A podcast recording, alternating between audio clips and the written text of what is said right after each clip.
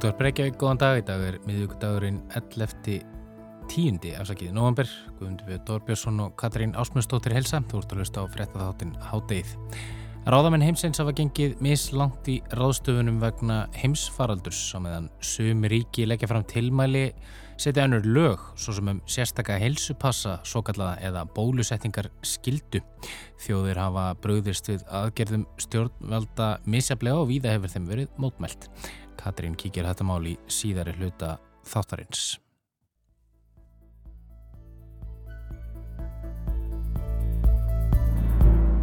En við byrjum í Líbanon. Líbanska ríkið er að hruni komið og samfélagið í mólum eftir röð áfalla. Klíkustar sem er landlægsspilling, stjórnarkreppa, algjört efnahags, hrun og reysavaksins sprenging sem grandaði stórum hluta höfuborgarinnar Beirut er meðal þeirra fjörmörgu vandamála sem Líbanir glíma nú við. Gunnar Hafn Jónsson, bladamæður og sérfræðingur í málöfnum mið Östurlanda er á línunni. Sæl Gunnar. Sæl. Gunnar, það hefur mikið gengið á í Líbanon uh, undanfærin ár. Það geisaði náttúrulega borgarastyrjöld í landinu uh, síðast ára til síðast aldar en svo, svona reys landið sannarlega upp úr öskustóni en nú verist þetta allt vera á leðinni loðrætt niður á við. Um, hver eru helstu rætur þessara vandamála sem er að hrjá lípansku þjóðina í dag? Já, alveg frá því að nútíma ríkið var stopnað á sínum tíma í setni heimstyrjöldinni af frakkum sem að þá stýrðu Sýrlandi og, og Líbanona þá hefur gengið í svona bylgjum uh, átök og sundrung meðal þjóðarinnar sem byggir ekki síst á, á grunni landsins sem er sá að frakkar byggu til landið í raun og veru sem uh, sérstakann greiðarstað fyrir kristið fólk uh, á þessu landsvæði. Uh, þeir byggu þannig um hnútana að í stjórnkerfinu var það gengi frá því að kristnir hefði meirulöyti á þinginu sama hvað kæmi upp úr kjörkossunum. Þeim voru treyður meirulöyti á þinginu og það var treykt í stjórnarskrá að fórseti landsins væri uh, valdamestur og væri alltaf kristinn. Þannig að það var óheimilt fyrir múslima að gegna því ennbætti og þetta uh, virkaði í einhvern tíma en gerði það verkum að það ólá hatri á milli trúarhópa og, og eininga innan Líbanon og, og smám saman uh, sögð upp úr þangar til eins og þú segir 1975, ég stikla náttúrulega stóri hérna, að uh, þá bríst út þetta borgarastýri sem geysar í alveg í 16 ár og, og er í raun og veru ekki leist fyrir að það er endur skoðaður uh, uh, sáttmannir sem gerður var á sínum tíma með að kristnir stjórnuðu landinu og það var þeim að treyður engangu helmingur þingsæta og engangu fórsættisraðaneyti, það eru múslimar sem stjórna núna sem fórsættisráð þeirra, það er alltaf sunni múslimi og fórsætti þingsins alltaf síja múslimi þannig að þetta gerða verkum að það er búið að búa til embætti sem menninga áskrift af. Þannig að leðtúar hverjar fylkinga fyrir sig það var stjórnað ekki bara þessum embættum heldur einstaka stopnunum ríkisins og þar hefur grafið um sig landlæg spilling og klíkustarfsemi þar sem að landin eru öllu stjórnað af sundurleitum hópum sem að allir eru bara að óta sínum tóta og gera það verkum að almenningur hefur ekki aðgangað uh, þjónustunum að gegnum klíkuskap En þetta er náttúrulega, þetta er kannski svona rótin að þessum vandamálum en svo eru afleðingar í að þessa kervis byrtingamindir þeirra eru ymsar eins og við hefum séð. Það eru margvíslegar og við hefum séð núna eins og þú saðir aðan röð áfalla sem hafa komið á skamt stóra högg á milli. 2019 eru strax komin mikil mótmælega því það stefnir í óefni í, efnaðasmálum. 2020 hrýnur reynlega Sæðlabanki landsins og uh, pundið, líbanska pundið tapar 90% af verkildi sínu og það er allar uh, eignir líbana eru fristar í böngunum. Allt spari fyrir þeirra hrundi í verkildi, hrundi um 90% og þið gátt ekki tekið það út. Þannig að það sem gerist strax í kjölfarað á þessu bankarhönni er þessi skjálfilega sprenging sem á sér staði Beirut sem er enn 200 manns láta lífið og þetta var bara svona síðasta hálmstráið. Já, það var, í, það var í ágúst í fyrra, ekki satt? Jú, fólk í blöskraði reynlega óstjórninn sem hafi leitt til þess að einhverjum tókst að geima mörg hundru tonn af sprengjefni í mörg ára án þess að neitt missi af því. Og enginn er í rauninni ekstra ábyrð á, á þessu? Nei, það er enginn sem gerir það. Það er sett á stað málamyndar ansókn, það er búið að hrundi náttúrulega ríkistjórnin strax og það eru þrýr menn búin að fá umbóð síðan til að mynda ríkistjórn og þeim síðasta tókst á loksins en það er vægar sagt umdeild ríkistjórn sérstaklega í ljósi efnags ástandsins og þess uh, ástand sem að ríkir hjá almennum borgurum að það er ríkasti maður landsins sem var valinn til að vera fórsetisráð þeirra því að engin annar gætt mynda ríkistjórn. En ef við förum aðeins aftur í tímagunar þá, þá náttúrulega sko Líbanir þeir náða að rífa sig upp úr, upp úr uh, já, borgarstríðinu og, og voru í erunni bara mjög vel stæð þjóð en, en svo, svo brótist út átök í, í Sýrland og það, það hefur alvarlegar afleðingar fyrir Líbanon. Já, maður segja að fyrsta dominóið í þessu stóra hrunni sem nú er eiga sér stað hafi verið sírlænska borgarastriðið af því að Líbanir uh, voru nú þegar að hýsa uh, mörg hundru þúsund palestinska flottamenn sem hafa verið, eru afkomendur þeirra sem flúðuðanga á sínum tíma eftir stríðin sem áttur sér stað á hernumdusveðanum og uh, við það bættust meirinn ein miljón flottamanna frá Sýrlandi sem er land, Líbanir voru alls ekki stakk búnir til að taka á móti og, og uh, hafa dagað upp í flóttamannabúðum við skjálfilegar aðstæður þar sem að ríkistjóðin þarf að reyða sig á aðstóð alþjóðarsamfélagsins til að reynlega halda lífinu í þessu fólki og, og hefur algjörlega slegað það litla bólmagn sem að líbanska hagkerfið hafið fyrir. Þú talar um þetta kerfi e, e, millir kristina og muslima e, en svo eru náttúrulega önnur öll sem er að verki þarna í Líbanon sem eru já, ekki hluti af líðræðislega kjörni ríkistjórn og, og þá er ég að tala um Hezbollah samtökin. Já, Hezbollah samtökin hafa algjörða sérstöðu í stjórnkerfinu, hafa verið hluti af ríkistjórnini af og til í gennum tíðina og eru mjög mikilvæg valdablokka því að þeir í raun og veru eru vopnuð reyfing sem að mynda ríki innan ríkis. Þeir stjórna alveg þarna allavega einum fjórða, einum þriðja af uh, landinu með, með hervaldi og halda upp í sínu eigin Eh, heilbreyðiskerfi, síni eigin velferðarkerfi og halda þannig uh, í stjórnartaumana og uh, vinsaldir fólksins sem að þar býr og í raun og veru betra ástand þar heldur en hjá þeim sem að búa undir sjálfur ríkistjóðinni. Emitt, nýr fórsetis ráðra, hann tók við núni í september, Najib Mikati. Um, þessar stjórnarmyndunum viðræður hefur tekið já, langa tíma, 13 mánuði og, og náttúrulega allt logaði deilum síðan, síðan sprengingin var á síðast ári. Hvað getur sagt mér um þennan mann? Já, hann er í fyrsta lagi ekki eh, engin nýgræðingur á því sviði að vera fenginn til að taka við á krísutíman. Hann hefur tviðsvar áður leitt ríkistjórn í uh, Líbanon þar af einu sinni bráðabæra stjórn eftir uh, krísu sem var 2006 Þannig að uh, hann er vanur maður en enga síður blöskrar fólki að ríkasti maður landsins sem hefur verið orðaði við gríðarlega spillingu að sjálfsögðu sem ríkasti maður í jafn spiltur landi og Líbanon er að þá er hann bara þunga menjan í, í þessu spillingarkerfi og táknmynd alls það sem er að í landina því að hann kom öllu sínum auðu landi, hann er metin á 2,5 miljard bandarækjadólara og, og hérna, það eru eignir sem eru alls ekkert í Líbanon og, og munu aldrei uh, koma aftur þangað inn á meðan að ástandið er eins og það er. Þannig að hann hefur komið sínu undan og sínum klíkum. Og það er í raun og verið það sem að uh, vantar núna fyrir alþjóðsamfélagi til að geta gripið inn í er að hafa einhvern sem að er trúverður sem að getur tekið við því fér sem þarf til að byggja aftur upp innviði landsins sérstaklega í höfuborginni eftir sprenginguna. Og það er bara engin sleiku til staðar, það er engin trúverðum einstaklingur í landinu sem getur tala fyrir alla, þetta er klófin þjóð, það eru 30% uh, cirka eru eru síðamuslimar, 30% sunnimuslimar og 31% eru, eru kristnir. Þannig að, að það er ekki hægt að finna samstöðu á þeim vettfangi, það er ekki pólitíst, um, ekki efnaðslegu samst, samstæðar þegar út af miskiptingu. Það eru nefnir ekkert sem saman er þessa þjóð og, og það er bara gríðarlega uh, dögt ástand framöndan fyrir fólki sem það er býr og, og allir eru bara að reyna að koma sér úr landi.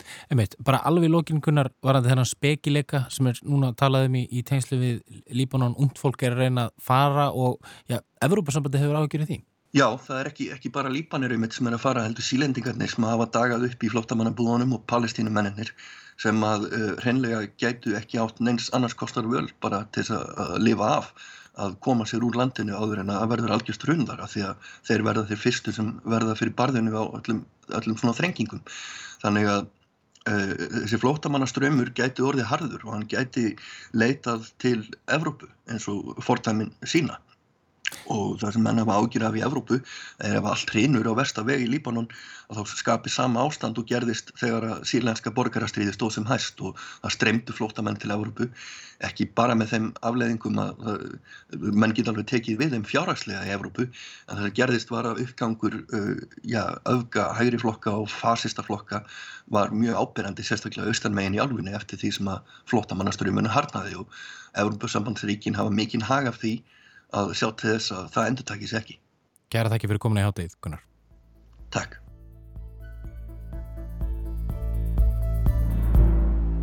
En þá út í heim. Ráðamenn heimsins hafa gengið mislangt í ráðstöfunum vegna heimsfaraldurs á meðan sum ríki leggja fram tilmæli setja önnur lög svo sem um sérstæka hilsu passa svo kallaða eða bólusetningar skildu. Þjóðir hafa bröðist við aðgerðum stjórnvalda og víða hefur þeim verið mótmælt. Þau sögð ganga of langt of nærri frelsi einstaklingsins og jafnvel á mannrettindi. Þetta er tilfelli í bandaríkunum, þar sem 11 ríki láta nú reyna á lögmæti laga og tilskipanir bandaríkjastjórnar fyrir domstólum. Katrín tekur nú við.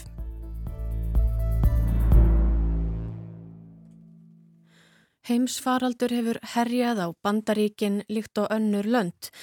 Staðan þar er ekki með besta móti og bandaríkja fórseti hefur áhyggjur en ítla hefur gengið fyrir hann og hans stjórn að fá bandaríkja menn til að þykja bólusetningu við veirunni sem Joe Biden bandaríkja fórseti tilur að sé einn helsta laust þessa faraldus.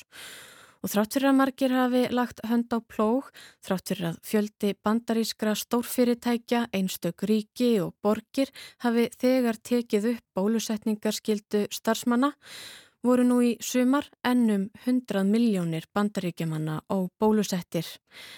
Bæten bandaríkjafósetti hefur reynd ímislegt til að breyta þessu og nýtt sér löggjafavaldið með það fyrir augum. Til dæmis gaf hann út tilskipun þar sem allar opinberar stopnanir og opinberir starfsmenn eru skildaðir til að full bólusetja sig og allt sitt starfsfólk gegn COVID-19. Bólusetningar skilda er svo sem alþekkt í bandaríkunum en fyrst og fremst í einstaka ríkjum eða borgum. Í tilfelli tilskipunar bætens þurfa þeir starfsmenn sem ekki þykja bólusetningu að bera grímu í vinnunni, fara reglulega í sínatöku, halda fjarlæðarmörkum og þeir með ekki ferðast vegna vinnu sinnar. Tilskipunin tekur til miljónamanna en bandaríska ríkið er stærsti vinnuveitandi landsins. Snemma í september gaf fósittin sót aðra tilskipun, svo hvað á um að alreiki starfsmenn og starfsmenn stærri fyrirtækja í bandaríkunum skildu bólusettir gegn COVID. Gerir þeir það ekki þurfið þeir að fara vikulega í skimun og bera grímu í vinnunni. Hásegt liggur við brotum á þessum fyrirmælum eða alltaf 14.000 bandaríkjadalir eða um 1,8 miljónir íslenskra króna og reglugerðin teku til fyrirtækja þar sem 100 eða fleiri starfa og hefur því viðtæk áhrif eða á um 100 miljónir bandaríkjamanna.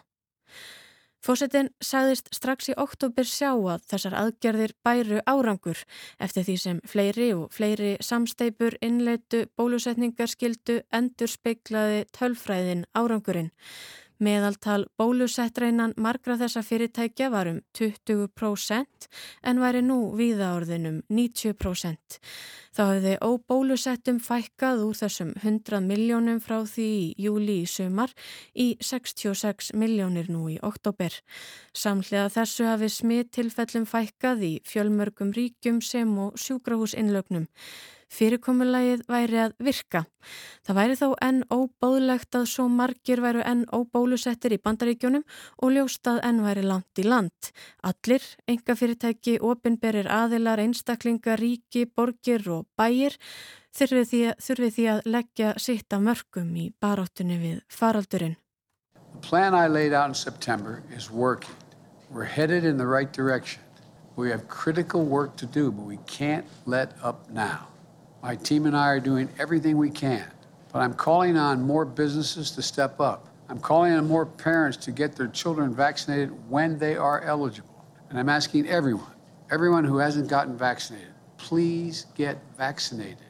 Og fjölmörg fyrirtæki hafa einmitt gert það, lagt sitt af mörgum, lagt ymsar sóttorna skildur á herðar starfsmanna sinna og jafnvel viðlög.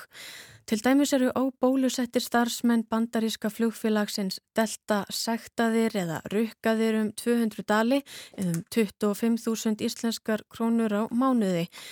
Séður óbólusettir emitt þá fá starfsmenn í veikindaleifi vegna COVID-tryggingar ekki greitt laun eða sjúkratryggingar frá fyrirtækinu, séður ekki full bólusettir. United Airlines innleiti bólusetningaskildu hjá flugfélaginu, skilmálatnir hjá þeim úr óskup einfaldir, væri starfsfólk ekki full bólusett fyrir lók septembermánadar er þið að látið fara.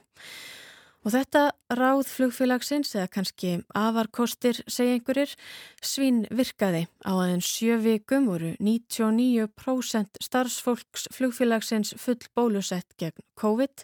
Aðeins um 300 að tæpla 70.000 manna flotaðess þáðu ekki bólusetningu.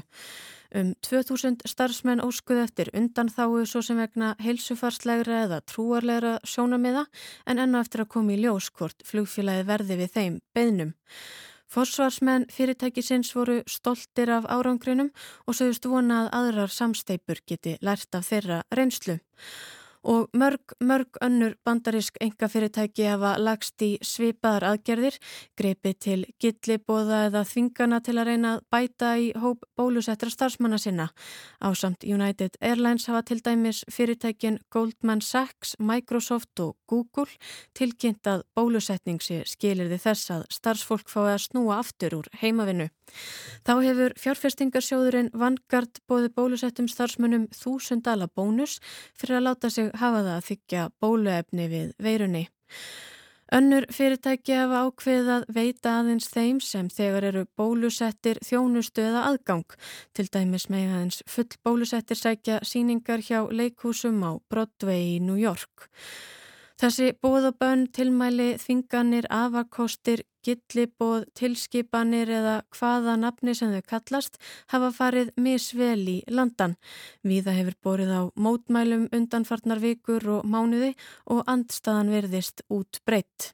Og þetta bæði við um engageiran og hefð opinbera en til dæmis hafa ríkistarsmenn í New York, Washington og Chicago mótmælt skildubólusetningum opinbera starfsmenna harlega.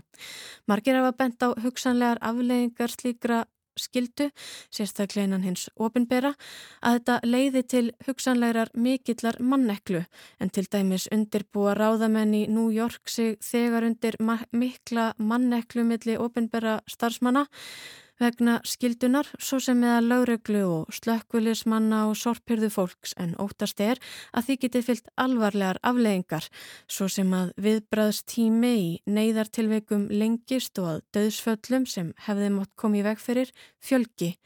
Stjættafélög vara við slíkum hörmulegum afleggingum og sum hafa tilkynnt um að láti verði reyna á lögumæti þessa, svo sem í Chicago þar sem stjættafélag lauruglumanna ætlar að leita til domstóla með málið.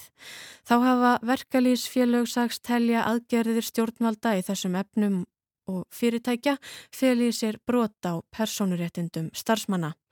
Og stjættar og verkaliðsfélögin eru ekki þau einu sem eru óvissum lögmæti aðgerða yfirvalda. Það ríkir nefnilega alls ekki einingum stefnu bandaríkjastjórnar á milli, stjórnmálamanna, flokka, einstakra, ríkja og borgajafvel. Og meðan forsetin predikar eitt gera ákveðin einstök ríkijafvel annað. Til dæmis bönnuðu ríkistjórar nokkur að ríkja grímunótkun jafnvel að viðlagri sekt.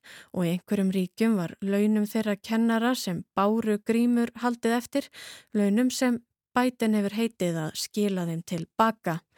Þá gaf Greg Abbott ríkistjóri Texas út tilskipun sem beinlýnis er í andstöðu við reglugjörð bandaríkjafósita en þar segir hann óheimilt innan Texas ríkis að skilda nokkuð til bólusetningar gegn COVID en hann og margir af hans flokksbræðurum telja aðgerðir fósetan stangast á við almenn mannréttindi og frelsi einstaklingsins og svo letast afstæða í þessum málaflokki eins og í svo mörgum öðrum af pólitíkinni en ólíkt flokksbræðrum abbott eru demokrater almennt algjörlega á öndverðum meiði. Og þetta hrópandi misræmi í aðgerðum mismunandi yfirvalda stopnana á fyrirtækja gerir mörgum erfitt fyrir að vita í hvort fótin eigi eila stíga. Til dæmis í Texas, sama hvað er gert, það verður alltaf í andstöðu við einhver lög. Stjórnendur flugfélagana American Airlines og Southwest Airlines sem hafa höfustöðvar í Texas ákváðu að fylgja fórsetanum þó fram yfir ríkistjóran og halda áfram skildubólusetningum starfsfólks á skjön við lög ríkisins. Þeir eru þó margir sömu skoðunar og abbott ríkistjóri en 11 ríki bandaríkjana ætla láta reyna á lögmæti aðgerði stjórnarinnar fyrir domstólum. Ríkin 11 hafa sem sagt kært tilskipun fósettansum bólusetningar skildu í starri fyrirtækjum eða þar sem fleiri en hundrað starfa. Þau segjast líkar ákvarðanir og fyrirskipanir eiga heima hjá hverju ríki fyrir sig. Það er að vera á þeirra valdi að innleiðast líka reglur Reglur sem þau segja ólöglegar, óskinsamlegar og stangast á við stjórnarskrá. Alríki stjórnin hafi einfallega ekki umboð til þess. Tíu af þessum ríkjum hafa republikana við stjórnvölin og eitt demokrata. En dómsmálar á þeirra Missouri ríkis saðist einfallega ekki hafa geta seti hjá. Hann hafi þurft að kæra þessa tilskipun til að verja frelsi einstaklingsins vernda fyrirtæki ríkisins og spórna gegn ofríki skriffina sem vilja einfallega hafa völd og stjórn á öllu og öllum eins og hann orðaði það.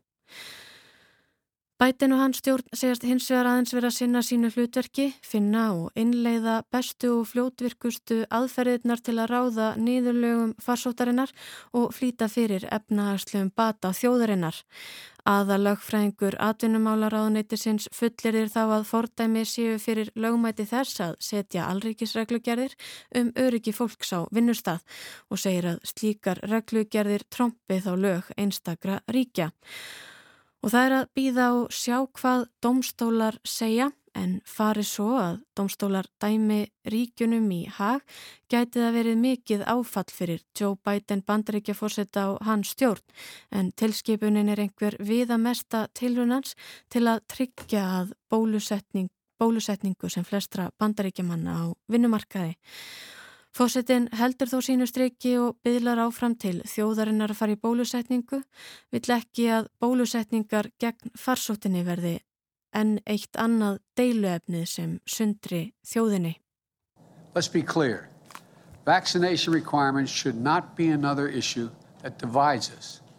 That's why we continue to battle the misinformation that's out there. And companies and communities are setting up their, uh, stepping up as well.